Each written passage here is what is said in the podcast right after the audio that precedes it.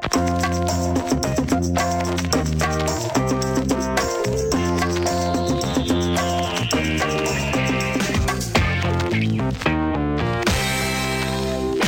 Äntligen måndag! Hjärtligt välkomna till Eurotalk. Det är den 9 oktober, det är vecka 41 och det är pisskallt utomhus. Men i studion är det i alla fall ganska varmt. Lite svalare än vad det har varit. Christian Borell är här. hemma, ja. Min värmepump har gått sönder. Smaka på den du. Och, jag ska inte klaga. Vad har, vad har vi för grader Celsius? Nej, 11 var det idag morse när jag åkte. 11? Ja, det var väl det ändå bra liksom. Det var väl kallare ute. Så att det... Vikingaborg. Exakt. Bra, du väljer att se det positivt. Ja, nej. hade kunnat varit värre. Ja, det. Martin Åslund är i alla fall här. Japp. Och Andreas Brännström är här idag. Välkommen. Välkommen. Trevligt att få gästa. Tack. Ja, trevligt att ha dig här. Marcello är out på något sorts uppdrag tror jag. Det går i alla fall bra för honom. Han kanske tycker att han har blivit lite för stor för den här studion. Jag vet inte. Han var väl nära att klippa Rosengård nu. ja, de kryssade ja. Och ändå slagit Häcken och sådär. Så, ja, mm. Det är kul för hans framgångar, men tråkigt att han inte är här. Men... Som Noah då, med andra ord. När det börjar gå bra, då försvinner den. ja, exakt. Jag tror att det inte går så bra för oss, så vi är kvar då. Man li ligger på en lagom nivå. Ja, hur som helst, innan vi tar oss an England och Italien och Spanien och interna internationell fotboll så är det ju faktiskt så, och apropå att vi har dig Brennan här, i, i lördags visades den nysläppta dokumentärfilmen Allihopa, The Dalkurd Story, upp på den amerikanska filmfestivalen Doctober. Tidigare i år hade filmen premiär på den kanadensiska filmfestivalen Hot Docs där filmen belönades med en andra plats i priset Audience Award. Filmen produceras av ett amerikanskt, kanadensiskt, svenskt team och följde Dalkurd i Borlänge 2017. En säsong då du var där då Brännan som tränare i laget. Eh, den kanadensiska filmproducenten och kritikern Aisha Jamal beskriver filmen så här. För detta lag som huvudsakligen består av kurdiska flyktingar handlar fotboll om, om mer än bara tävling. Dalkurdspelarna Eh, spelar med stolthet och medvetenhet om sin unika roll i att representera ett statslöst folk. Och du var ju eh, två sessioner i Dalkurd.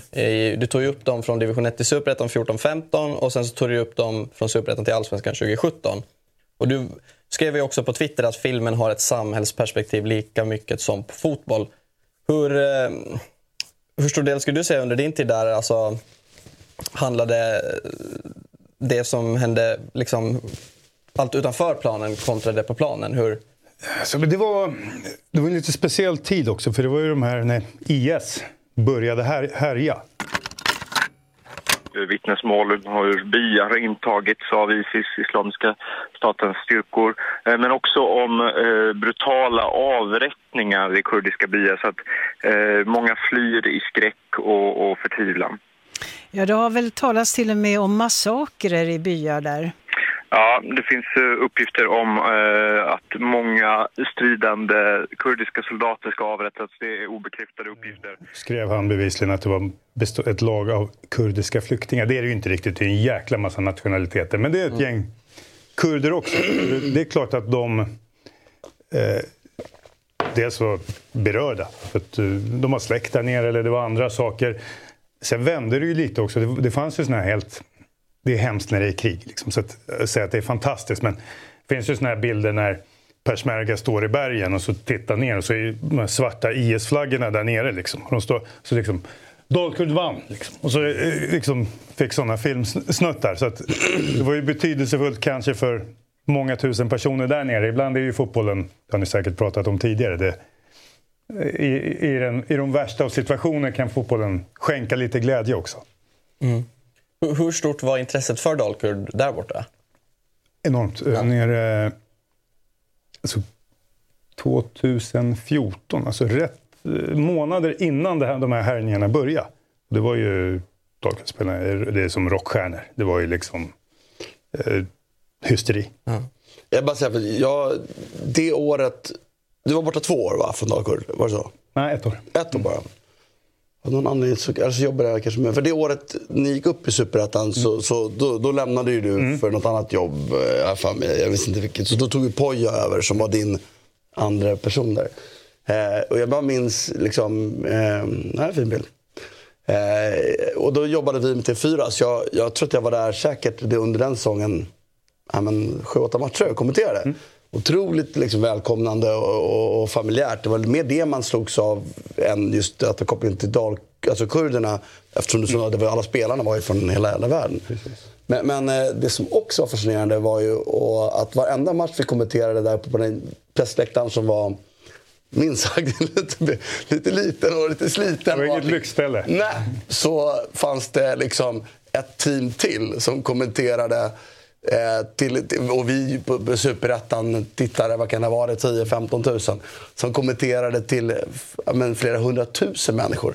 För att då hade ju de köpt rättigheterna för att kunna sända den. Alltså, och en och en halv miljon liksom, var likes på Facebook. Det var, det var, det var så paradoxalt. Inte så stora klubbarna i Sverige i närheten till följe som det var då. Och min tanke var så här, shit, det här kan ju bli hus. Alltså, Sen vet jag att det var någon familj som var inne och, och, och det var någon crash där. Men känslan då var, vänta nu, om de har det följet. Liksom, visst, 2015 var det här då. Liksom. 2015 så, så kanske vi inte värdesatte, räck, värdesatte räckvidd på rätt sätt. Idag hade ju en halv miljon eller två miljoner likes på Facebook varit värde. Och, alltså, idag vet man vad det är värt. Men redan då kände man, vänta nu, om det här spelas ut rätt. Varför ska inte det här laget vara ett av de bästa i Sverige? Om de har det följet. Jag menar, pratar om det med tittare och åskådare. Men det är klart att de inte hade så mycket åskådare på läktarna som de hade. Men om de har 250 000 som ser matcherna nere i en annan del av världen. Okej. Okay. Mm. Tror du det hade upp, upp, att man hade uppmärksammat det mer från kanske sändande bolag eller så idag, idag kontra då? Absolut. Jag tror att idag hade de varit behov av att, att kapitalisera på det på ett annat sätt också. Nu fick TV4 pengar för det här, för jag vet att de betalade för TV4 liksom otroliga pengar, men för dem så jättesmå pengar. Alltså, otroliga, det var det inte. För TV4 var det ju en liten putt. Men för produktionen för Superettan så var det ju, om det var 250 000 någonting de köpte rättigheterna för. Alltså extra pengar för, för att sända Superettan som kanske i mångt och mycket var en minusaffär. Eller liksom gick ut på att man hade ett, ett helt svenskt fotbollspaket. Liksom. Nu säger jag saker som jag inte har... Siffrorna får du ta med en nypa salt. Liksom. Ja, men det var rätt kul det där. Jag hade ju, jag hade ju en skribent där nere då i Turkiet som nådde miljoner. Mm. Och det märkte man som tränare, för då kom ju någon från styrelsen eller någon i Dalkurd. Ah, så här är det nu. Jag kände det är det ju inte alls. Och så kommer nästa så här, och då känner du den där jäveln har skrivit igen.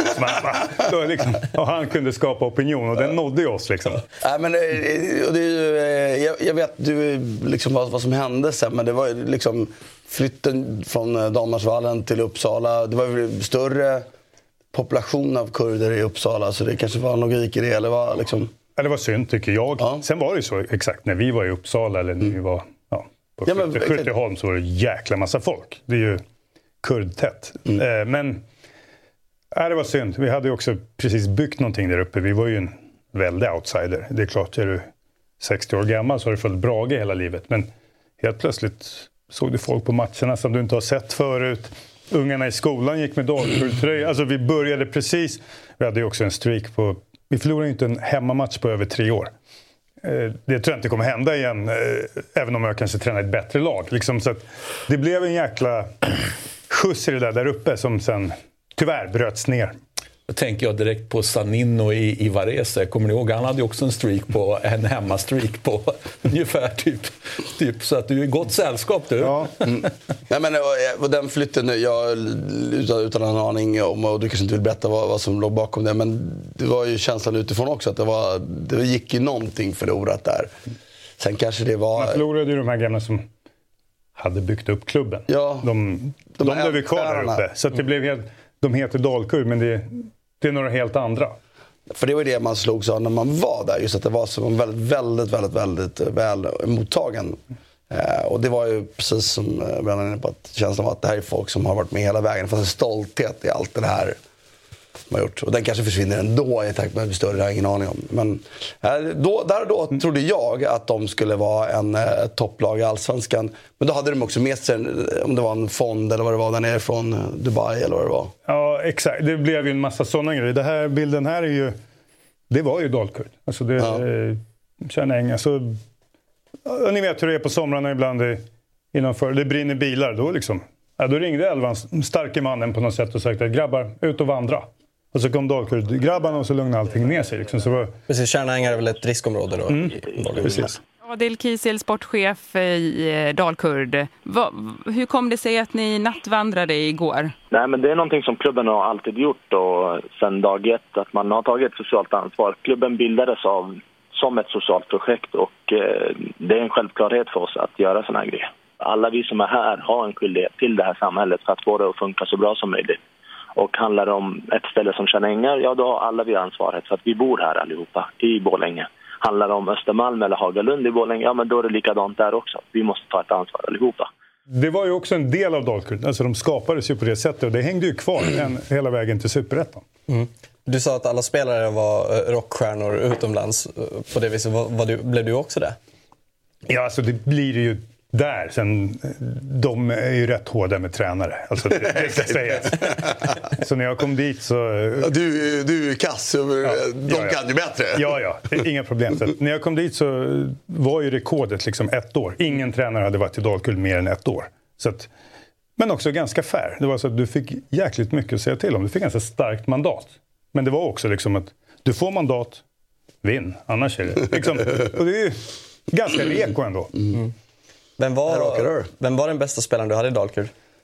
Så vi hade ju, det är svårt att säga. Vi, vi var ju... Hette han tian, vänsterfotade? På den nivån var han jävligt bra. Ahmed Awad. Ja, på den nivån var han jävligt bra ja, Otroligt fin spelare. Sen gjorde vi ju... Vi tog ju Sugita till Sverige som var en fantastisk spelare. Liksom, och sen, ja, tror jag de som... Roa Nouri. Ja, Roa Nouri. Vi langade väl på den här Östersundsresan. De värvade ju sju från oss. Mm. Liksom, för att vi låg lite nära dem kanske sätt att jobba och sådär. Så, att, så, att, spela, så att, det blev ju lite så att vi gick upp ganska snabbt, men några spelare gick snabbare än klubben. Alltså, vi var ganska bra, vi var den division 1-klubb i Sverige som langade upp överlägset flest spelare inte, till elitfotbollen. Så om inte Östersund hade gjort resan menar du att hade ni haft en eh, större chans att göra en bättre resa? Lite, lite så. De blev ju liksom ett dalkull med mer pengar. För det hade de ju. För det folk går förbi dem lite. Att, jag vet mängder av klubbchefer som skattade lite åt det här att Östersund med små resurser, de bara vänta nu. De, vi har erbjudit vår bästa lön till en spelare, de har tagit tre och de har tagit från alla lag här. Så de hade ju också resurser som de tog från alla er. Liksom. Så, och var duktiga på att plocka rätt spelare också, ska. Jag vill inte ta bort någonting från Nej, men så blev det ju så. du hade i alla fall inte 900 000 i månaden, eller om året i lön när du tränade division 1 va? Nej, det, För det var den taxerade inkomsten Graham Potter hade. Mm. det första jag reagerade på. Jag låg lite efter.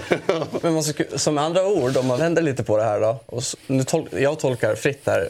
Graham Potter hade aldrig blivit den han blev utan dig då, eftersom att det var du som försåg honom med bra spel. Det började faktiskt innan jag kom dit. Eh, jag ska berätta en grej eh, som är vi ska inte ta ifrån dem någonting och Potter är fantastisk och jag ja, gillar honom. Så ja. att, Hade med, mycket kontakt? Med det liksom. sagt, ja, det blev ju lite... Päron, ja.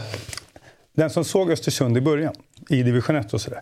Då var det liksom engelsman som kom dit. Så dök det upp en serb och så det och ut och in. Ingen hade väl mer ut och inspelare än dem. Nej. Möter Dalkurd, rör inte bollen. Det blir 1-1 och då blir Dalkurd rånade. Det var ett år innan jag kom, så jag, det, är inte någon, det är ingen självhyllning här. Och Potter är så jäkla vaken, så han ställer en miljon frågor. Hur ni där? Men hittar ni de här spelarna i Sverige? Kan man spela så här i Sverige? Kan man... Alltså, han tittar matchen tio gånger. Sen gör ju de om hela sitt, liksom, eh, liksom, sina strategier. Kaj, du måste svepa lägre serierna mm. och så blir de ju bäst i Sverige i princip. Mm. Och vi märkte ju av det. För vi var, var det någonting vi var bra på Nej, var att hitta talang utan CV. Och helt plötsligt ringde du dem och så ja, jag har fått ett bud till här. Liksom, de jävlarna. Alltså, de, de, så att de tog lite av Dalkurd koncept, la på lite mer pengar och tro, skicklig stab så att de ska ha all cred. Men, men, och då blev det ju lite broderföreningar på det. Har vi sju spelare där? Så att när de spelar Euroleague så Allsvenskan är slut, vi behöver sparring. Kan ni komma upp och vi möter Bilbao om två veckor? Så att lite samarbete så. Mm. Hade du mycket kontakt, direkt kontakt med Graham Potter tidigare? Inte jag, men eh, de som... Eh, lite grann, mm. självklart. Eh, men, men andra som jobbade i klubben och liksom sådär. Mm. Ja, intressant. Så Frank Pettersson som målvakt, det är ju en profil. Han var tredje keeper i AIK när jag var, spelade fortfarande. Det är, en, det är en riktig profil. Ja, det är det. Alltså, det är en, en skön individ. Ja, det är förstås många, men det är det enda jag känner. Ja, det är ju division 1-året. Det, det är ju ett riktigt rövargäng. men Uh, ja, roliga tider. ja. The Dalkurd Story, alltså, den har ju inte släppts än på den svenska scenen. Då. Vet, vet, du, vet du någonting kring det, när det kommer ske? Och hört någonting? Nej, Nej jag har inte hört uh, någonting om... Jag vet vad filmen är och det, men jag tror inte att det finns någonting klart alls hur Nej. den släpps eller var. Eller... Nej, vi får hålla utkik. Vi lämnar det och uh, tar oss till England. Eurotalk är sponsrat av EA Sports FC 24 och Kalle, ditt Chelsea har det ganska tufft i verkligheten just nu. Hur går det för dem i din FC 24-karriär egentligen? Tackar som frågar. Det går rätt fint faktiskt. Jag har lyckats värva in Vinicius Junior och lira med honom som nia, tror det eller ej. De behöver ju verkligen en nia Chelsea. Fastna nu inte i verklighetens Chelsea-Kalle. FC24 använder visserligen tre nya banbrytande tekniker för att få spelet att bli det mest realistiska fotbollsspelet någonsin, men det är fortfarande du som har makten i spelet. Ja, Vinicius Junior ser sjukt realistisk ut. Det finns över 1200 unika löpstilar för spelarna i FC24, så det har gjorts ett gediget arbete. De har analyserat mängder av videoupptagningar från verkliga proffsspelare, så de ringde ju inte direkt oss och bad om att få filmsnuttar på när vi spelar. Nej, vi fick snacka om spelet istället, på det området där vi betrodda. En till riktigt fin sak med EA Sports FC24 är att de har rättigheter till ligorna vi pratar om här i Eurotalk och ungefär 30 ligor därtill. Det är bra. Vem hade du gett högst ranking i spelet? Oj då. Um, Alexia Putellas eller Erling Haaland skulle det nog bli då. Mm, du är överens med spelmakarna. De två delar första platsen tillsammans med Mbappé och De Bruyne. Det är respektingivande att ha sådan koll alltså. ja, de gör jobbet där borta på EA Sports. Nu är det bara att längta hem hela hösten och hoppas att din FC24-karriär smittar av sig på verkligheten. Det hoppas jag med. Vi säger stort tack till EA Sports FC24 som sponsrar Eurotalk. Ett poddtips från Podplay. I podden Något Kaiko garanterar östgötarna Brutti och jag, Davva, dig en stor dos skratt. Där följer jag pladask för köttätandet igen. Man är lite som en jävla vampyr. Man har fått lite blodsmak och då måste man ha mer. Udda spaningar, fängslande anekdoter och en och annan arg rant. Jag måste ha mitt kaffe på morgonen för annars är jag ingen trevlig människa. Då är du ingen trevlig människa, punkt. Något Kaiko, hör du på Podplay. Därför är gardinerna. Där Christian Borell, lärjungen och mästaren. Mm.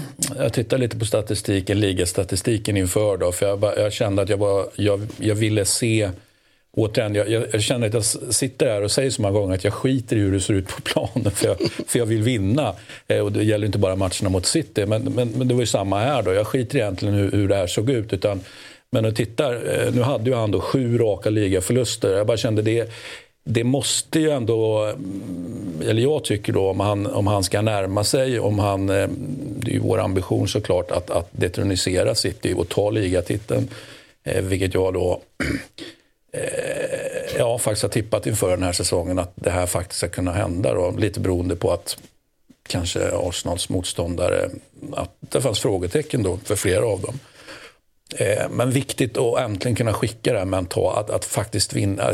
Liksom ett kryss hade väl på något sätt varit acceptabelt också, men nu sitter vi med en seger. och eh, efter sju liga förluster mot, mot mästaren så behövde han ju visa att han... Att han eh, jag menar, hade han fortsatt att rada upp förluster då hade det känts bara ja, men hopplöst. Inte, eller inte hopplöst, men det hade inte känts bra i alla fall. Att, att okej, okay, han får hålla på här. Eh, men han kommer inte närmare att vinna. Vi har ju pratat om att han spelmässigt har då eh, liksom kunnat matcha och så vidare. Och Sen kan man lägga till cupmatcher och så, men jag, jag valde att fokusera på på ligamatcherna. Så viktigt mentalt att få den här segern måste jag säga. För, ehm, ja, för laget också, men, men för honom hoppas jag att han tar det på rätt sätt och, och inte får hybris då eller någonting annat. Ehm, men ja, ehm, jag sitter här nöjd så kan vi säga. Mm. Och orolig. Nej, det var Såklart. Men om man ska... Det är evig oro. Vi, måste, vi kommer såklart komma in på att City nu har torskat två ligamatcher i rad och man saknar Rodri och sådär. Men om man ändå ska välja att hylla Arsenals insats, vad, vad tar du med dig från det Martin? Alltså jag tycker egentligen att det här är en sämre match som Arsenal gör än andra matcher som refereras till där. Och det kanske, nu blandar jag kanske ihop cupmatcher och ligamatcher. Jag gör väl inte den distinktionen eh, riktigt som Christian gjorde på om man matchar motstånd. Sen är det ju i ligahänseende självklart, det här är ju en sexpoängsmatch i den aspekten, så den är ju viktig. Men jag tycker, ska, man vara, ska vi helt ärligt tycka att Arsenal och City gör en sämre match. Jag tycker det här var en sämre match. De har, bjudit på otroliga fotbollsmatcher de senaste mötena. Där det liksom taktiskt har varit någonting speciellt som man har verkligen imponerats av eller fått motsvar. Jag tycker kanske att det här var en nivå lite under det det och, men det spelar ju mindre roll. Jag tycker, och jag tycker egentligen att det här är en 0-0 match. Jag tycker faktiskt inte att något av lagen riktigt förtjänar att vinna. Men det är ju någonting med det som Christian är inne på då ändå. Att, att det är viktigt att vinna matchen. Samtidigt som jag tycker diskussionen blir lite skev. Jag gillar verkligen det Fredrik Ljungberg säger i studion igår när han pratar om det här. Och jag håller med om det. Och att, att, att, att, att tursamma segrar ger ingenting om man vet att man inte förtjänar dem. Om man går för att vinna. För det är här som folk missade lite igår. Är det ett bottenlag, då kan tursamma segrar vara avgörande för att få lite fart. Det är jätteviktigt för självförtroendet. Jag har spelat i båda ändarna och kan av den anledningen dra de slutsatserna från min karriär. Att det var tursamma segrar när man ligger i botten betyder någonting. Tursamma segrar i toppen, ja det är tre poäng. Men, men alltså, du, vet, du vet att du måste prestera. Och du är orolig om du inte presterar. Om du inte dominerar motståndarna eller dominera matchbilden eller kontrollera matchbilden beroende på vilket spelsätt man har. Så jag håller helt med Fredrik i hans, liksom, det han sa där. Och det är en väldigt viktig del i det här. Att, att liksom, tursamma segrar kommer aldrig vinna titlar. Men det sagt, sagt jag tycker att, att det är en jämn match. Att kunna vinna en jämn match. Och det var deras tur att vinna på något sätt. Eh, jag drar inga stora slutsatser av Arsenal av det. Utan jag är mer spänd på att prata om City egentligen. Där liksom, den här gamblingen, vi har pratat om, om det lite här, vi har gjort i vår studie att, att City, eh, Pep väldigt uttalat hellre jobbar med färre spelare. Det finns en logik i det också. Där han har, vad har han sagt i den här intervjun? Att han har 18-20 spelare som är ordinarie max. För att inte behöva jobba med spelare som inte får spela. Om det var till och med 16-18, jag kommer inte ihåg. För att inte behöva jobba med spelare. När alla är friska så har jag en missnöjd trupp. Och den risken tar jag hellre då. Och den risken har man ju tyckt att City, Citys trupp är lite smal. Jag tycker det är lite smalare i år än vad förra året. Och folk pratar om bredden. De har en jävla spets i en kort bredd, men de har inte en stor bredd. Det tycker jag inte de hade förra året heller. Och just nu betalar man ett pris för det. Därför att man har inte den kvaliteten. Jag tycker City gör en, en svagare match än man brukar göra. Och är det ett tillfälligt fall för att man när alla är tillbaka, är med och årets slut så, så spelar det mindre roll. Men det är ju en, det är ett strategiskt vägval de har gjort som de just nu betalar för. Eh, och det finns inga strategiska vägval som är ofelbara. Liksom. Du, du har plus och minus med allt. Just nu ser vi minuset med deras val, tycker jag. Mm. Det tycker jag är mer intressant. Och apropå alltså, att Rodri är borta nu och avsaknaden av honom. Du som, en, som tränare, Brennan, just med en central mittfältare som ofta är stommen i lag. Hur, hur, hur, hur stor kan en sån betydelse vara, att man har en sån spelare borta? Nu har de ju trots den smala truppen väldigt bra spelare i den där truppen. Men smal menar jag, alltså 16-18. Mm, ja, jag håller med. Men just den typen av spelare har alltid varit för pepp. Kanske navet. Alltså vi pratade ju ett tag när de ändå roterade en del, men Fernandinho han stod där tre matcher i veckan. Liksom, och då var det inte riktigt lika utan honom. Och så letade de ju länge och så kom en Rodri. Så att i Peps lag, sen om det är en Busquets eller så har det nästan varit huvudkomponenten. Och så bygger man på resten väldigt ofta. Så att det var en bra tid att möta City nu, tror jag. Sen med det sagt så City, ett hackande City är fortfarande väldigt hög nivå. Men jag tror att det var väldigt bra timing för Arsenal. Mm. Men att... jag, måste säga, jag tycker Rodri typ är, alltså, just nu eftersom vi inte har någon tydligt bästa spelare i världen så tycker jag han har han är väl en av de här topp tre i världen. Man låg bra förra säsongen ändå, eller i våras. Så tar du bort en sån spelare så, så klart, och så har du De Bruyne borta. Så det är som eh, Brannan säger, det är en väldigt bra tid att möta dem. Och väl, oavsett vilket tycker jag det är väldigt kul att Arsenal vinner. Jag tycker det är bra för, väldigt, väldigt bra för ligan. Eh, att de vann den här matchen. Och jag tycker att som det ser ut nu, jag menar jag tycker den här matchen var sämre. Vi kanske pratar om Brighton-Liverpool sen. Det var en roligare fotbollsmatch. Men just nu är det fem, sex lag som känns rätt så jämna. Lite på grund av City saknar spelare, ja absolut. Men, men, det är ju om man tittar bara utifrån och inte liksom har klubbsympatier, är det fantastiskt att få se helger. Varje helg har vi nästan en toppmatch. Liksom. Villa ska med räknas med där som är svårslagna också såklart. På en skala 1 till 10 då, hur utvisad borde Kovacic varit? rött det var. Ja, eller hur utvisad han borde varit. Ja, nej, det, Antingen om det ska vara rött direkt ja, eller om det, han borde fått det andra gula i andra situationer. Det är märkligt. Ja. nej, det är bara liksom, vi, vi landar ju där hela tiden och jag är en stor fan av eh, jag tror att den, vi har pratat så många om brittiska domare. Den enskilda domaren i en enskild match har säkert en enormt hög, kanske högst i världen, eller liksom borde ha det. Men eftersom det är så otroligt svårt har de i den här ligan hålla konsekvens på domslut från match till match så blir det ju liksom Jag tycker det blir parodi. Jag tycker att det här är parodi. Att han inte är utvisad. Men, men jag tycker inte att det är såklart i närheten det är fel som händer mot Liverpool. För det är ju helt ofelbart. Det här är fortfarande en bedömnings bedömningsfråga. Och det är klart att han kan bli hävda, nej jag tycker inte att det är rätt. Vad ska vi säga? Det är liksom... Det, det är potentiellt eh, career ending faktiskt. Ja, Det- första ja. Mm. Den andra är ju lite snällare, men den andra, den andra är inte rött. Att Den man andra är är kvar efter den första och väljer att, Att göra- återigen utmana det, det, det var förvånande.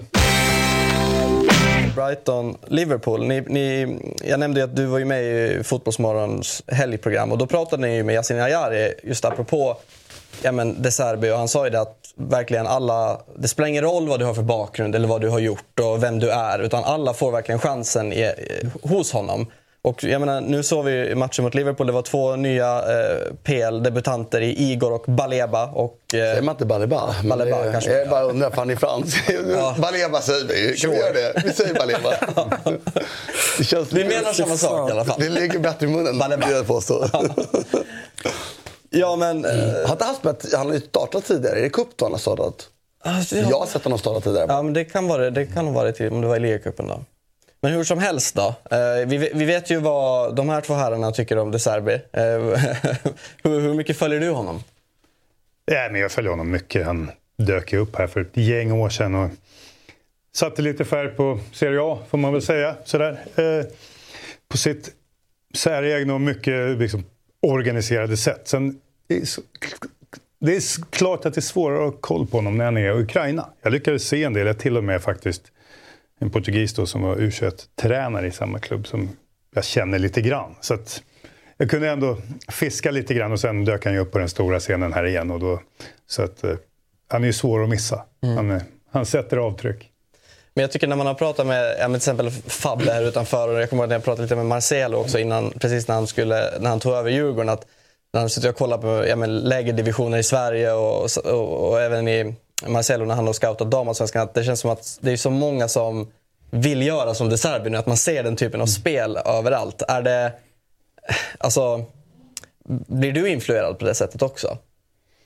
Av de, de, de Inte så att jag ser en tränare och säger nu ska jag göra som han. Men alltid sådär, det är samma när man åker på studiebesök. Alltså det är svårt att åka till... Det är lätt gjort att tycka att det här är sanningen när du är där, för allt verkar så bra. Så kommer du hem och så, ah, okej, men vi har minus 10. Vi kan inte riktigt stå och prata en timme. Man måste överföra det till sin vardag. Eh, men det är alltid någonting som, tio grejer, den där grejen. Och lite så blir det ju med han, eller med duktiga tränare. att man han uttryckte det sådär, eller det där var intressant. Så att du har säkert snott hundra små grejer genom åren här och där, knappt utan att du har tänkt på det ibland. Martin, du sa att det var en be- mer vä- välspelad match än Arsenal City.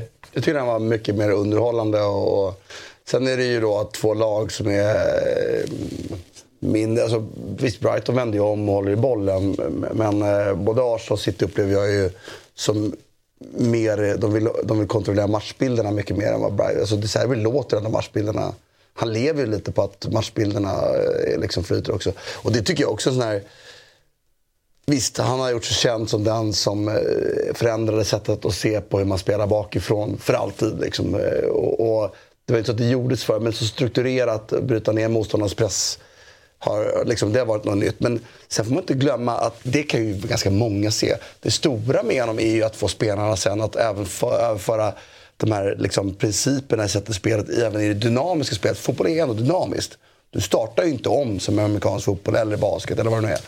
Och det är det jag tycker liksom att, det får man inte glömma man, för det tycker jag en del av de här ungdomstränarna och lagen man ser. De, de, de tappar liksom också, han är, vä- han är väldigt rak emellanåt och, och liksom, ra, inte rak så skickar han bollspel, men de, bryter ju linjer ibland på ett sätt som är det gör ju att de är, ska man säga, att de är, jag upplever dem som mycket bollen har fast ändå mer, mer vertikala än vad City och Arsenal är. Och så möter de ett lag som Liverpool som är per definition alltid öppna. Det är ju liksom eh, det roligaste. Så att, nej, det blir ju klart att det blir lite liksom lättare att se på den matchen och tycka fan, det händer grejer och det svänger och det är tekniska nummer. Och... Sen tycker jag, förlåt. Nej, kör du. Nej, nej, men jag tycker bara att, att det är fascinerande igen då, att det, att det är spelare. Och jag tycker det är en otrolig missuppfattning att tro att Brightons scouting är så himla unik. Som att de har plockat de enda 20 spelarna i världen som ska spela i Brighton och Premier League. Herregud, det finns hundra miljoner spelare vi pratar om. Men säg att det finns 10 000 spelare i världen du kan plocka. Allt handlar om hantverket som den som får resurserna gör. Och det hantverket han gör Baliba, eller Baleba till den som fin debutant. Eller, sen är det klart att han kan ju inte ta en spelare från allsvenskan och göra till den bästa i världen. Jari lyckades inte än så länge. Han är utlånad. Men, men liksom, det, det är fascinerande ändå att titta på råämnena i Liverpool som är Gravenbergs, du pratar om McAllister som är, ja, fått en del, men liksom Soboslaj, det är ju liksom spelare med unika, alltså de är ju, Soboslaj och Gravenbergs är förmodligen spelare med egenskaper som gör, det går inte att misslyckas göra dem till elitspelare. De är otroliga fysiskt, tekniskt, allt har de ju. Det kan man ju inte säga riktigt att Pascal Gross och Baliba har ännu, liksom, eller Igor eller Spelat Solly March som vänsterback. Jättebra bollnot. Ja, jag, jag blir varje helg lite fascinerad ändå över det. Men en jätterolig fotbollsmatch då. Jag tycker Liverpool också är jävligt kul att se på. Igen. Ja, men vi släpper England och tar oss till Italien. Där... Eh, vi, måste ändå, vi behöver inte hålla, bli så långdragna, men Oliver, Olivier Girouds insats mellan stolparna måste vi ändå ta upp. Ja, jag trodde du skulle börja med att Kristovic gjorde mål igen då, men vi, låt oss ta... okay. Låt oss ta... Ja, men det var väl häftigt. Det var väl, Snygg tröja var på alltså att, att gräva, gräva fram den segern också. Det var väl rätt många som hade börjat känna där att ja, men det kanske blir en ny jobbig oavgjord här och så... Vilka pratar vi om nu? Ja, vi, vi är på Milan. Lecce vann ju inte då, men, men vi är på Milan. Ja, men som i Italien, de Eh, beskrev det här som en... Ja, men det här var ju en match som var, och en seger som var spork och det, liksom, den var smutsig. Liksom. Ja, men det, eh, också konstaterandet att ja, men de här smutsiga segerna, liksom, ja, men det är då eh, Eh, det var i alla fall taken eh, som, som jag läste då och som jag kan ansluta mig till. Ja, men gräver du fram de där segrarna som är smutsiga och skitiga och elaka och allt vad de nu är ja, då, då är den där ligatiteln lite närmare helt enkelt. Sen kan du inte hålla på så där i varje match. Då är det, ju, det är ohållbart. Men om du gör det i en handfull matcher under en säsong så är väl det inte bara helt okej okay, utan riktigt bra.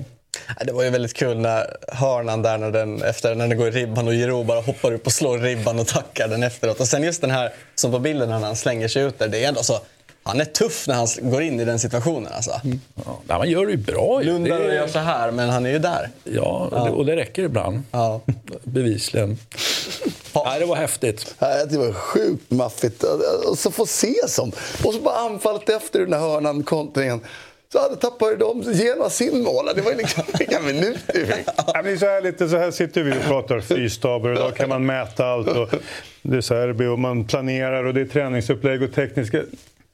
Det, och så sitter vi här och vi har ingen aning om vad händer. Liksom. Alltså, det är rätt härligt ändå. Att ett lag har en offensiv hörna och den enda riktiga målvakten på planen är i fel straffområde. Det säger ju också något.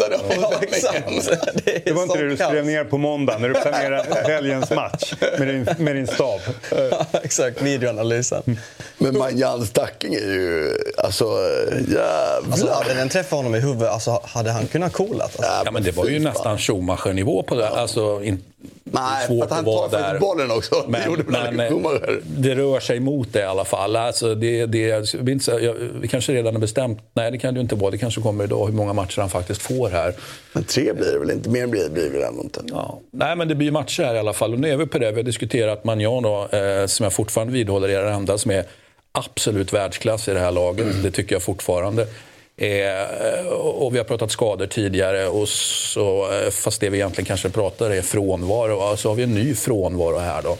Låt vara i en bättre situation eftersom Sportiello känns vassare än, än eh, Tatarusano. Men man ja, försöka vara på, på planen Oftare. så mycket som möjligt. Du är ändå... Men det är bättre för skadesituationen kanske? Men vi, vi, Periodiserat. Vi, liksom, vi är ju fan vana vid det. Att har du en riktigt bra keeper, ja, men då gör han 38 matcher. Kanske att du låter, du, låter, du byter in någon junior i de två sista Precis. för att du har redan titeln klar eller någonting. Eller din, din målsättning är uppnådd. Så han kanske får spela till och med en, till och med en hel match eller en, en, en halv match och så vidare. Men det är inget ovanligt med att keeprar går rena säsonger och, och där är ju Magnan absolut inte just nu. Så jag tycker fortfarande Hoppas att jag, att jag har fel här, men jag, jag tycker det... Då hänger det på Sportiello nu då? Det finns någonting här. Två frågor Brennan. Har du varit med om att du behövt ställa en utespelare i mål någon gång? Eh, En gång har det hänt. Men jag hade, hade, det var jättelänge sedan. Däremot hade vi, jag ska, ska inte prata för länge här, men jag hade en sån här situation i Jönköping när det hände en internationell match. Så var det lite snack bland grabbarna på fruk frukosten, jag kommer inte ihåg vilken match det var. Och då började jag fundera, så här, om, om det skulle hända här. Exakt, för det var min nästa fråga. Ja, kör. Och då tänker du ju först så här, någon lång mittback ser ut så. Men du, så kommer vi fram till att det är också en speciell situation. Alltså, ska jag stå i mål? Ska jag, det måste vara någon som nästan gillar det. Som skulle kunna stå där i 14 minuter och liksom, jag tar den för laget. Så, här. så att vi börjar titta personligheter.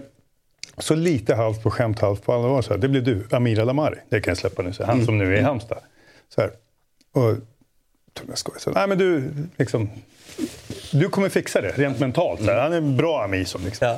så att, då slutade det med, det gick två dagar, liksom, så Frank Pettersson var du inne på det. Han stod ju där också. Så träningen slut och så är det ofta lite eftergrejer. Ett par forwards som står och kör ett par avslut eller någon som så ropar Frank liksom Brännan, då har Amir ställt sig där, liksom, tagit det här på fullt allvar och liksom, ska ändå ha några avslut ifall det här skulle hända. Så att, ganska fin, Dedikationen gillar man ju. Exakt, det gillar man ju. Så att vi valde rätt utan att behöva använda det. Så, Hur såg han ut då sen när han står där? Va? Eh, Ganska bra. Alltså för att vara utespelare rätt så bra. Så att någon känsla hade vi för det. Liksom, han hade stått på skoj någon gång innan. Så där, man har sett att han är helt orädd och allt det här. Så att, och det är väl halva grejen om du ska ställa en utespelare i mål. Att han är rätt så orädd. Så och- Kleber Sarp hade varit bra. Precis. Precis. En gammal lagkompis hos Bigge. Som var helt, helt eh, brutalt orädd för sig själv. Han kan stoppa in huvudet. Ja. Men och, och när, var det, när hände det då? Ja, vi hade, jag tror att det var... Frågan är inte det var när jag tränade Sirius för länge sedan i division 1 sådär, och så var det bara liksom två minuter. Alltså, det hände ingenting, det blev liksom inte en grej. Men, men det blir ju de här, målvakten ligger skadad vem och så tittar du, du vet, det är ju åtta spelare, tittar ju rakt ner i backen. Så här. Titta inte på mig, så att, ju ta någon av de här. Och där är ju en jäkla skillnad på om det är två minuter eller tolv minuter. Precis. För Alltså- va- varje minut där skulle jag vilja säga att det ökar ju expo- exponentiell eh, oro eller mental Ja, det press hända och- något, det blir en dubbelhörna. Eller, Jag tror att vi ledde 2-0, det var två minuter kvar. Det är lite lättare då, än att det, precis som Men du det kan, säger, det kan det- du ju rent teoretiskt eh, liksom maska bort de två minuterna ber- beroende på hur, ja, om det nu inte är en hörna då såklart. Så att, eh, Men, men det är ingenting du har haft förbestämt, alltså i- när du var i Allsvenskan i Mjällby eller AIK? Det har inte funnits... Det har inte varit på tal om det ska ske. Mer att man faktiskt har, där var det uttalat i Jönköping, så här, eh, mer att vi kanske ledarna och så här, vem skulle kunna i den här truppen så. Men eh, inte så att vi liksom har sagt att du är våran fjärde målvakt eller tredje målvakt. Det är, må- det är folk som vill att vi ska prata om Fiorentina, Christian. Det tror jag att du vill också. eh, jag hörde dig säga Thiago Motta, eller? Nej. det kan vi komma till. Eh, Fiorentina, ja det var väl starkt såklart. Eh, har ju börjat jättefint den här eh, säsongen. Eh, och det som jag kan tycka är lite häftigt, det är det här som jag säkert sa förra programmet och för, för också, men som under Italiano här, de här två senaste säsongerna, så har man ju ändå haft eh, liksom, nummer nio-problem. Alltså att få igång eh, striken. Post Blavic, ja. Ja, men det, det, liksom, det går. Det, det görs ju bevisligen mål förr eller senare. Vi pratar ju... Jag menar, det, det, fanns, det kom ju statistik här också. Ja, men det, var en, det var ju fan en av klubbarna. Det var ju typ tredje bästa i, i att göra mål under, under kalenderåret 2023. Liksom. Då tänkte jag så här, aha, ja, det görs en del mål i Fiorentina. Fast att mycket av rapporteringen kring Fiorentina, för mig i alla fall, de två senaste säsongerna, förutom att man pratar om Italiano som tränare, har ju handlat om, om centerproblemet och att det görs inga mål. Eh, och det kan jag tycka är fascinerande att man ändå återfinns där man nu återfinns i, i tabellen. Men det är inte också lite för att de jämförelseobjektet blir så jävla tydligt. Alltså de, de tog bort den spelaren som kändes hetast. Det Vlahovic som var, gjorde mål på allt i princip och var så himla... Med honom i laget så hade det bara fortsatt så här kändes som att det är mer det som har gjort att man liksom inte riktigt blir lite blind för att det faktiskt har varit ganska bra forward eh. Ja, men jag kan tycka, alltså namnmässigt, det är väl inga, liksom, det var Cabral i, i fjol och, och nu är det Ensola eller, eller Beltran. Nu känns det ju väldigt mycket som att Beltran kanske inte är eh, liksom center, vilket ju en del sa från början, att han, han är ingen riktig nia liksom. Och då kanske det är Ensola då som ska vara nian. Och, där vet ju om inte annat eh, Italiano. Mm. och Jovic förra året också. Eh, där vet ju om inte annat Italiano är precis vad han har en Sola. För han har ju haft honom då, nu i Fiorentina, tidigare i Spezia. Sen hade han ju honom också i, i, i Trapani. Så han, han, han vet ju exakt vad han får. Och är väl liksom jättenöjd, med, inte, inte såklart jättenöjd med att han inte gör, han får gärna göra några mål till. Men eh, han är viktig för spelet och så vidare. Så att eh, Italiano, det känns som att han är väldigt trygg i sitt val här. Men det ska bli spännande att se vad Beltran eh, tar vägen då eftersom det är han som ändå på något sätt är alternativet den här säsongen. Och det mest intressanta är ju vad Italiano tar vägen. För att det är med lite Precis. dålig scen. Vi ser att jag hävdat att han är så Juventus-esk. Och jag är rätt, helt säker på att han kommer vinna saker, Italiano. Jag tycker hans sätt att spela fotboll är så... Det skulle funka i så många lag, det skulle funka med så många trupper. Eh, alltid välfungerande pressspel. Eh, ändå skickliga på att hålla i bollen. Väldigt bra på att blanda det här med, med liksom, eh, gå mellan någon form av zontänk till man-man-tänk i pressen som är... Eftersom vi ser ofta nu mer, tycker jag, jag, jag är fortfarande väldigt, jag gillar ju verkligen Simone Sagis utförande av att liksom skickliga med på att ändå tänka zon faktiskt och ändå vara aggressiva. Men vi ser ju allt mer och mer lag spela ren man-man när de spelar högpress. Och då kunna göra det på ett sätt som de gör och ändå liksom lösa de problem som uppstår med det tycker jag är fascinerande. Och jag, tyvärr på förhand kändes det här som en, liksom en fingervisning. Vad står Napoli och vad står Fiorentina? Och jag håller ju Italiano som en större tränare än, eh, än och för mig hade Italiano varit den jag hade gått efter om jag hade blivit av. För inte för att han och Spalletti har samma syn, men jag, truppen som Napoli hade haft, hade, jag tror faktiskt att italienarna hade kunnat tagit dem till, till en högre nivå. Eh, en, en nivå till, alltså att vinna igen. Eh, sen är det problem med backlinjen i Napoli också, det kommer vi inte ifrån. Och det kanske på lång sikt blir bra. Men, men helt klart är att, att, eh, att ha sålt K2 och Kim två i rad, det, det, liksom, det går ju inte bara att ersätta. Och Kim var ju, han var ju otrolig. Mm. Och med det sagt, alltså, jag tycker Fiorentina gör ett jättebra jobb. Jag tycker Italien har fått dåligt betalt för det där. Eh, Men, men eh, nu är... Och så har vi ju en Lidners knäpp ifrån Duncan då som helt plötsligt är bäst i världen. Han såg- var ju bra i Sassuolo. Ja, men exakt. Det var ju det vi reflekterade över. Att han, var, han var ju typ bäst på träningar. Det var ju som man kände. Ehm, eh, men väldigt upp och ner. Och, och, jag såg Italiano kommentera honom eh, inför matchen. Eh, så, så, ja, men, eh, alltså, jag, vet inte, jag vet inte var han har varit på semester, jag vet inte vem han har varit, men han har kommit tillbaka som en helt ny fotbollsspelare. Eh, så det är mycket möjligt att det, där, eh, det kanske är kort brintid Så det, här. det Vi är får på väl se. snart. Jag vill bara nämna det apropå Napoli också. På italienska Twitter så trendar ju nu Garcia out. Är dagarna räknade? Hade ju ett landslagsuppehåll nu, så jag menar, någon, någon, någon, eh, det, det är ju ett rimligt antagande. Jag kan säga att Italiano in.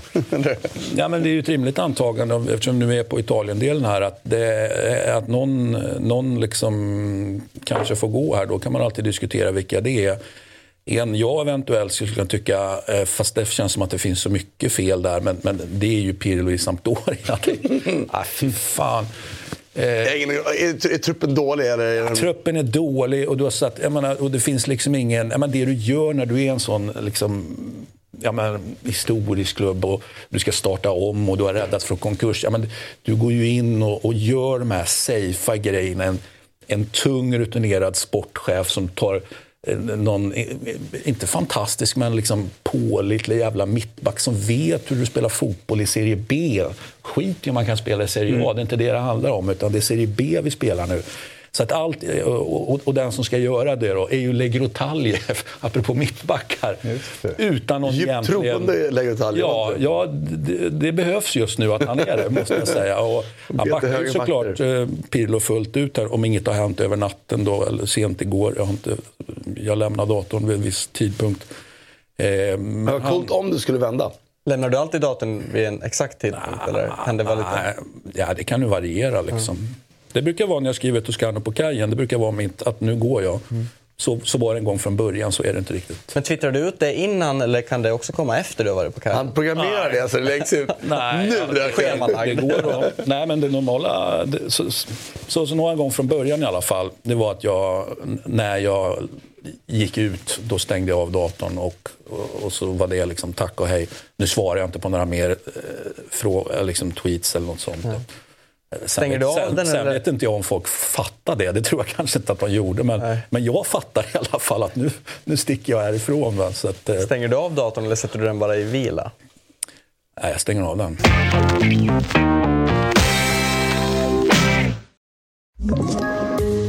Ett poddtips från Podplay. I podden Något Kaiko garanterar östgötarna Brutti och jag, Davva, dig en stor dos skratt. Där följer jag pladask för köttätandet igen. Man är lite som en jävla vampyr. Man har fått lite blodsmak och då måste man ha mer. Udda spaningar, fängslande anekdoter och en och annan arg rant. Jag måste ha mitt kaffe på morgonen för annars är jag ingen trevlig människa. Då är du ingen trevlig människa, punkt. Något Kaiko, hör du på Podplay. Därför är gardinerna. Martin, du har ju nämnt Kane som den bästa engelska spelaren sen Rooney, mm. jag minnas. Och, Ja, inklusive Rooney numera. Ja. Ja, men, ja. ja, men, ja, men jag tycker han är mm. en modern Men- typ. apropå då... Men var inte Nej. det, var, nu måste jag bara avbryta dig här. Ja, det får du göra. Var inte det anfallare eller var det spelare oavsett Ja, i position? moder- ja, i eller det modern var, tid. det var an, Det är spelare. spelare, okej. I modern tid. Alltså då, någonstans. Nej, men fine. Jag, jag, Och jag gissar att ni fattar väl kanske vart jag är på väg nu då. Uh, Jude Ja, det är någon som är på väg åt det hållet. Ja, men det är det jag, det jag tänker. Jude Bellingham gjort med två nya mål nu när man slår Osasuna med 4-0. Och åtta på första åtta. Det är, Det här är brutala siffror. bäst sen Ronaldo i Real Madrid. Mm. Och vilket mål han gjorde mot Napoli också. Ja. Visst, det är inte superbra försvarsspel, men det är, jag hävdar ju att, att försvarsspelet, det, det är rätt lätt att gå på den här vänstervriktningen när han kommer så full fart in, vrider in och så snärtar han till med vänsterfoten. Det är nog många backar som hade eh, haft svårt att hänga med i den rörelsen. Liksom. Nej, han ser brutalt bra ut. Och man kan konstatera att den här mentala höjden som förmodligen gjorde honom lite jobbig i Dortmunds omklädningsrum. För det är väl det det gnälldes lite om, att han var, tyckte han var, men du måste vara sådär hög på dig själv. Liksom jag låg faktiskt igår eh, kväll och läste en, eh, en bok om spansk fotboll då, rent, eh, ja, rent historiskt. Och det var en sak som faktiskt slog mig. För då läste jag om Real Madrid och så läste jag om Di Stefano. Som ju då, det var också så här, men vad, vad var Di Stefano för position egentligen? Jag menar, i mångt, ja, men med tanke på målskörden då, så ja, men det lät, ja, men han var liksom, ja, men ty, typ center eller något åt det hållet. Fast sen, sen över tid så kommer alla någonstans överens om att ja, men liksom, det går inte att sätta position på honom utan han, han var liksom fan överallt och gjorde grejer. Eh, och eh, en annan grej som, som, som då stack ut var att Ja, men han, var, eh, han var ju det här magiska eh, Real Madrid-laget. Eh, liksom en sån viktig pjäs och eh, är ju kanske världens genom tiderna bästa fotbollsspelare. Det finns ju de som absolut argumenterar för det. Men inte speciellt omtyckt av sina lagkamrater. Man hörde aldrig, sådana, och, och varken under karriären eller efter, alltså lagkamrater prata gott om Di Stefano. Eh, och då tänkte jag just på det här. Dels det här med positionen eh, med Bellingham, då, liksom att han ja, rör sig som han gör. Och det här att, eh, ja, det är inte så att jag har, sitter och lusläser om folk pratar gott om honom, men vi är ju ändå inne på det, liksom, att, han, att han verkar vara ett as helt enkelt. Va? Vilket väl lagkamraterna eh, uppfattar. Men har man att, hört eh, någonting kring det i Real Madrid? Det var ju i Dortmund som det snackades lite.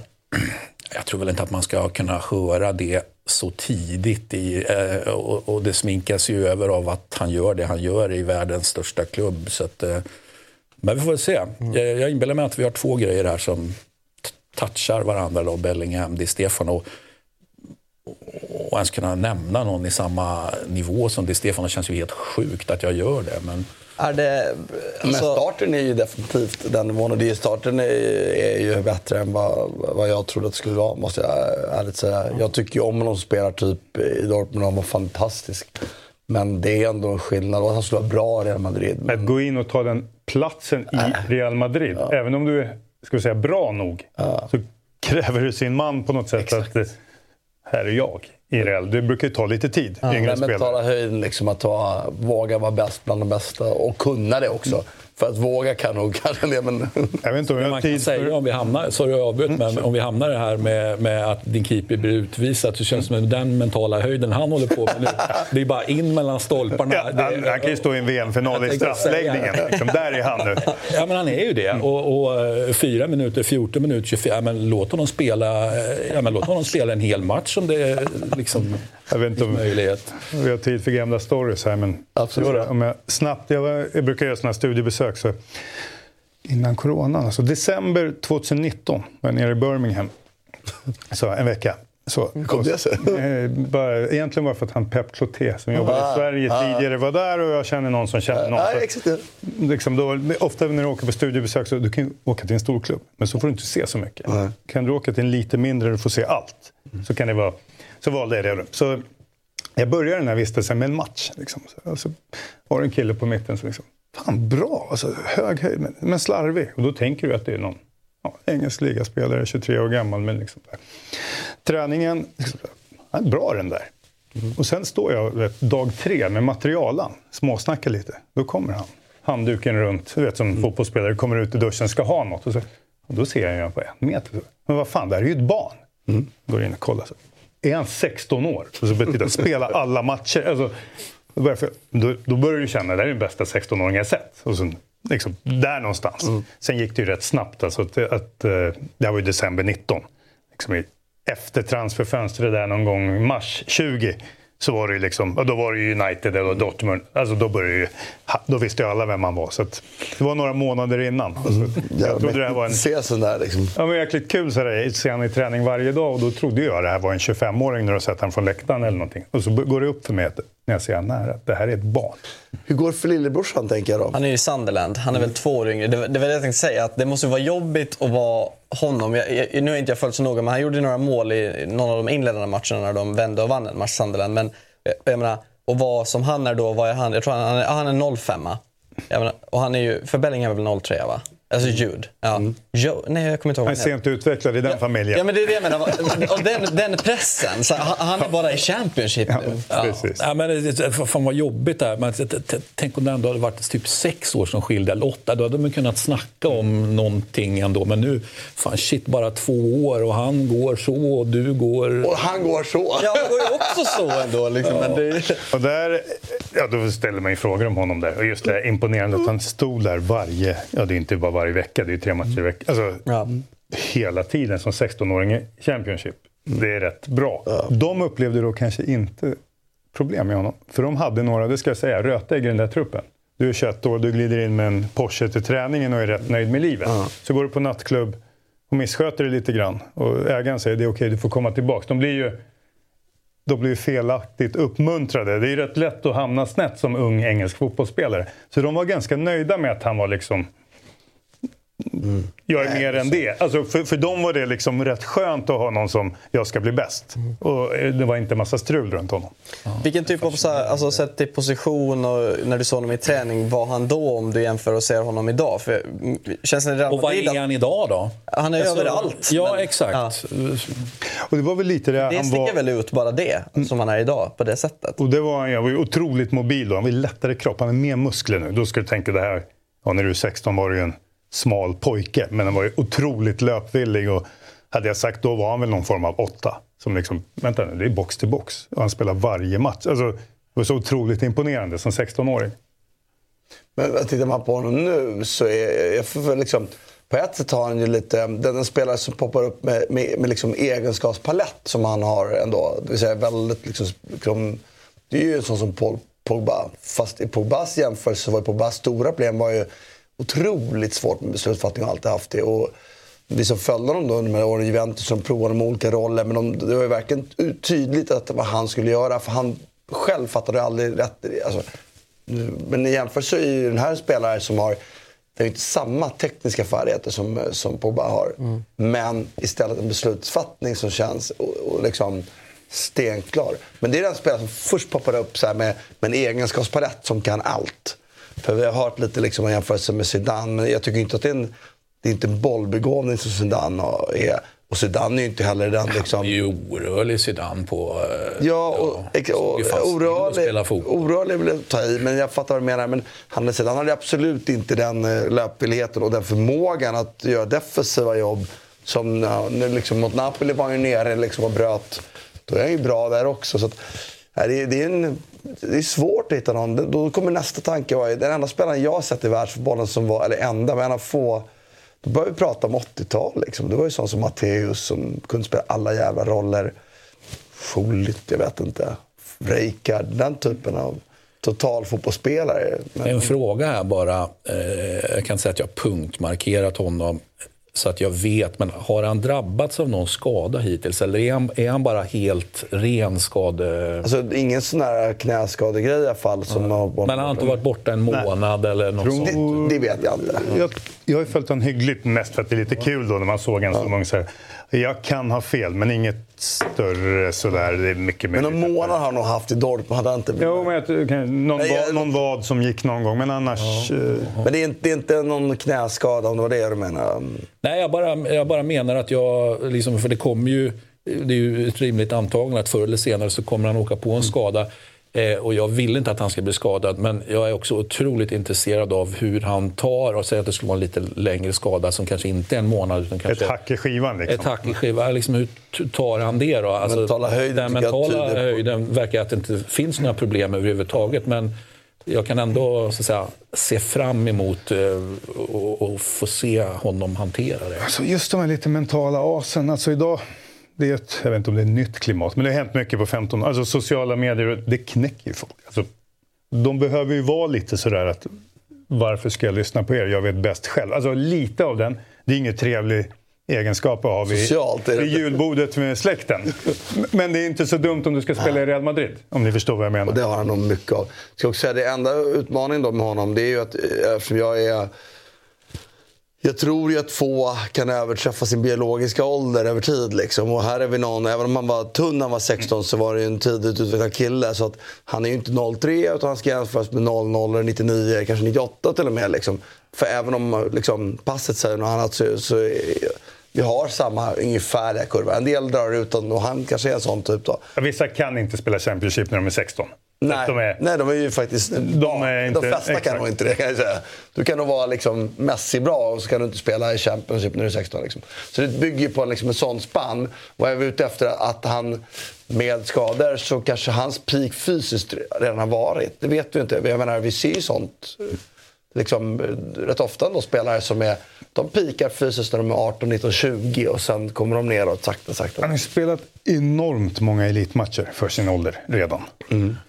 Ja, och då ser man liksom en, men, det, det, hade fått, men när han var i Dortmund så hade jag ställt den frågan mer relevant som att vad kan han nå för höjd när vi vet inte vad hans fysiska... Men nu är han ju på toppen, så eh, bättre behöver han inte bli.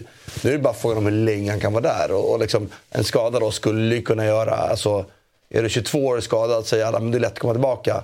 Men när du biologiskt egentligen jämförbar med en 29-åring kommer tillbaka då då är det en annan sak. Förstår du varför? Men det är liksom, nu pratar vi bara hypoteser om, om annat. Men, men det, och han är ju inte att jämföra med andra 03 Det är helt ointressant. Han ska jämföras med 99 liksom, För det är hans biologiska utvecklingskurva. Liksom.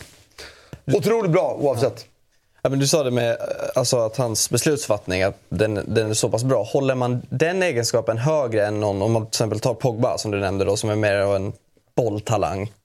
Är det... Ja, men, eh, Matteo var inne på det, jag tyckte det var så bra beskrivet. Men Pogba när han kom fram kände man så här, du gör ju fel. Men så var han så bra i fotboll så att han kunde lösa det ändå. Vad skulle du dit och göra? Så kunde han ändå lösa det. Alltså när han Det var blir nästan ett vapen då ibland. Ja, precis. Eh, det tyder ju ibland på att, eller har man det där, så kan man, apropå, skulle du tappa lite fys, så kan du, om vi tänker en gigs i sena år, han lyckas anpassa sig, jag är inte lika snabb längre. Eller, alltså, han höll länge för att han, han blev en smart spelare liksom i senare ålder. Han är ju redan nu väldigt klok i beslut och så. Då blir det, det är ganska lätt att ha en lång karriär på ett annat sätt än det fysiska. Att du kanske kan bli en sittande sexa sen eller någonting annat. Men, men din fråga lite gissar då var lite här, att, tittar man på egenskaper när man, när, när man scoutar spelare eller talanger så tycker jag att kognitiv spelförståelse är det, det absolut viktigaste att titta på. Um, därför att det, vi vet inte idag hur man utbildar det. Eller du kan, när folk tränar spelutveckling så är det, du flyttar ju procent av det där. Och det är klart du kan utbilda spelare taktiskt och göra dem bättre taktiskt, absolut. Men den här kognitiva förståelsen av att hantera ytor, det, det är liksom, tycker jag, den viktigaste, viktigaste egenskapen när man tittar på fotbollsspelare. Om man ska nå tuppen. För du vet inte när du tittar på en 12-åring, 13-åring, 14-åring om han har kommer ha fysisk kapacitet. Men har han en kognitiv spelförståelse, då vet man att där har han höjden, den höjden. Han har bockat av en av kolumnerna för att bli elitspelare på absolut toppnivå. Men det är så jag tittar på det. Eh, jag skulle titta mycket mindre på de fysiska egenskaperna. Du var nämnde det andra, Pogbas bollbegåvningssida. Ja, det är klart. Är du extremt bollbegåvad så är det också ett, ett litet bockkant. Men den är inte lika viktig som den kognitiva spelförståelsen. För det är mycket viktigare. Tittar på honom så är han ju där uppe och vi skulle nog alla enas om att det finns så jävligt många fotbollsspelare vi kan plocka i världsbollen som är bättre med boll än vad han är. Alltså som är bollbegåvningar. Men han har en kombination av en liksom, mental höjd, kognitiv spelförståelse och fysik som gör honom till den bästa. Innan vi stänger butiken, Atletico de Madrid slog ju La Real med 2-1. Men eh, det som det snackas mer nu kring är ju, eller det kom ju uppgifter i förmiddags att det verkar som att Simeone kommer förlänga sitt kontrakt ytterligare 12 år nu. Eh, alltså, han är väl den enda... Alltså, det är ju så ovanligt med tränare som sitter så länge på sina poster idag. V vad gör att han kan, han kan det egentligen? Alltså... Bra tränare. Ja. Han måste ha någon form av personlighet och äkthet i det där omklädningsrummet. För att det är ju inte en, det är en rätt krävande tränare. Mm. De där brukar ju liksom bli in till en tre år sedan orkar inte riktigt upp en, även om de är superbra tränare. Han är ju liksom, tittar ni kvadraten från så här, kommer från ett Bayern München eller City så han står ju och styr de där två i mitten. Liksom, nej, nej, ni får inte gå emellan. Han står ju och styr dem där till och med. Liksom. Han bor ju i ansiktet på dem. Och att ändå liksom truppen rullar på år ut och år in. Det är klart att några spelare byts, men du behöver en jäkla... Jag tror att det är jobbigt att ha Mourinho i fem år, om ni förstår vad jag menar. Det är väl ingen som har haft. Nej. Men att, att vara den med lite piskan rätt ofta. Så han måste ha en jäkla värme någonstans innanför kulisserna ibland. För att liksom ändå få med spelarna på tåget. Ja, men det måste vara en otroligt stor ledare. Liksom. Mm. Eh, en sida som den är omöjlig att analysera utifrån. Men det pratar vi inte så mycket om. Liksom. Men... Men är han en tränare som är med och står på träningsplanen? Är han den typ? Det är min bild, ja. men jag vet för lite. Ja. Jag, bara, jag, jag liksom jag har sett hans matcher live många gånger och jag tycker att han är ett fån. Alltså, han kan omöjligt ta in matchen, tänker jag. För han springer ju. Jag bara, men vem, vem, Du måste ju se spelet! han är där! Och... Jag var ju på... Han är, nej, han är inte fjant. Han är äkta. Han är ju så. Jag var ju på Euroleague-finalen 18 när de mötte eh, Marseille, va? Var det? Ja, i Lyon. Mm. Han var ju avstängd då. Mm. Så han gick ju omkring där, mm. sju meter över mig. Alltså en svart kostym som bara liksom, du såg han i periferin. Han gick, jag måste ha gjort två mil den där matchen liksom, och pratade för sig själv och helt galen. Liksom. Men tog det som segrare efter. det var ju verkligen så. Vi satt ju då... Det var väl Lissabon när de mötte Real Madrid när de kvitterade i, i Ramos. Mm. Ja. Så att vi, vi kanske fem eller sex rader bakom bänken. Och I början är det fascinerande. Men jag måste sagt, jag tror jag pratade om tidigare jag bara, hur kan, han, hur kan han ha bildat sig en bild av den här matchen? Det är helt omöjligt ju. Han har ju knappt tittat. Det springer, gestikulerar och det jävla lever sig med. Och, så energin var ju otrolig. Men jag är inte... Vi pratade om det i studion sist med, med Jag kan inte minnas att jag har spelat med någon spelare någonsin som, som tycker om tränare som springer och gestikulerar. Och med de publikmassorna hörs på sina analytiker. Du har lyssnat på en lite kortare variant utav Eurotalk i och med att du har poddlyssnat. Om du vill se hela programmet så finns vi på Dobb-TV. Eurotalk alltså där för 49 kronor per månad, årskort 599 kronor. Eller om du vill så finns vi på Youtube där du klickar in ett medlemskap och det kostar 89 kronor per månad. Där ser du oss live men också hela långa programmet. Men du har alltså som sagt var lyssnat på podcasten, en timme lång ungefär, men om du vill ha hela så går du in och bällar för det. Tack för att du lyssnar.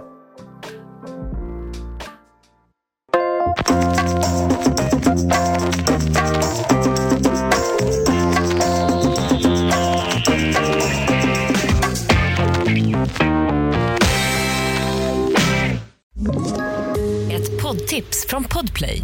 I fallen jag aldrig glömmer djupdyker Hasse Aro i arbetet bakom några av Sveriges mest uppseendeväckande brottsutredningar. Går vi in med hemlig telefonavlyssning och, och då upplever vi att vi får en total förändring av hans beteende. Vad är det som händer nu? Vem är det som läcker? Och så säger han att jag är kriminell, jag har varit kriminell i hela mitt liv men att mörda ett barn, där går min gräns. Nya säsongen av Fallen jag aldrig glömmer på Podplay.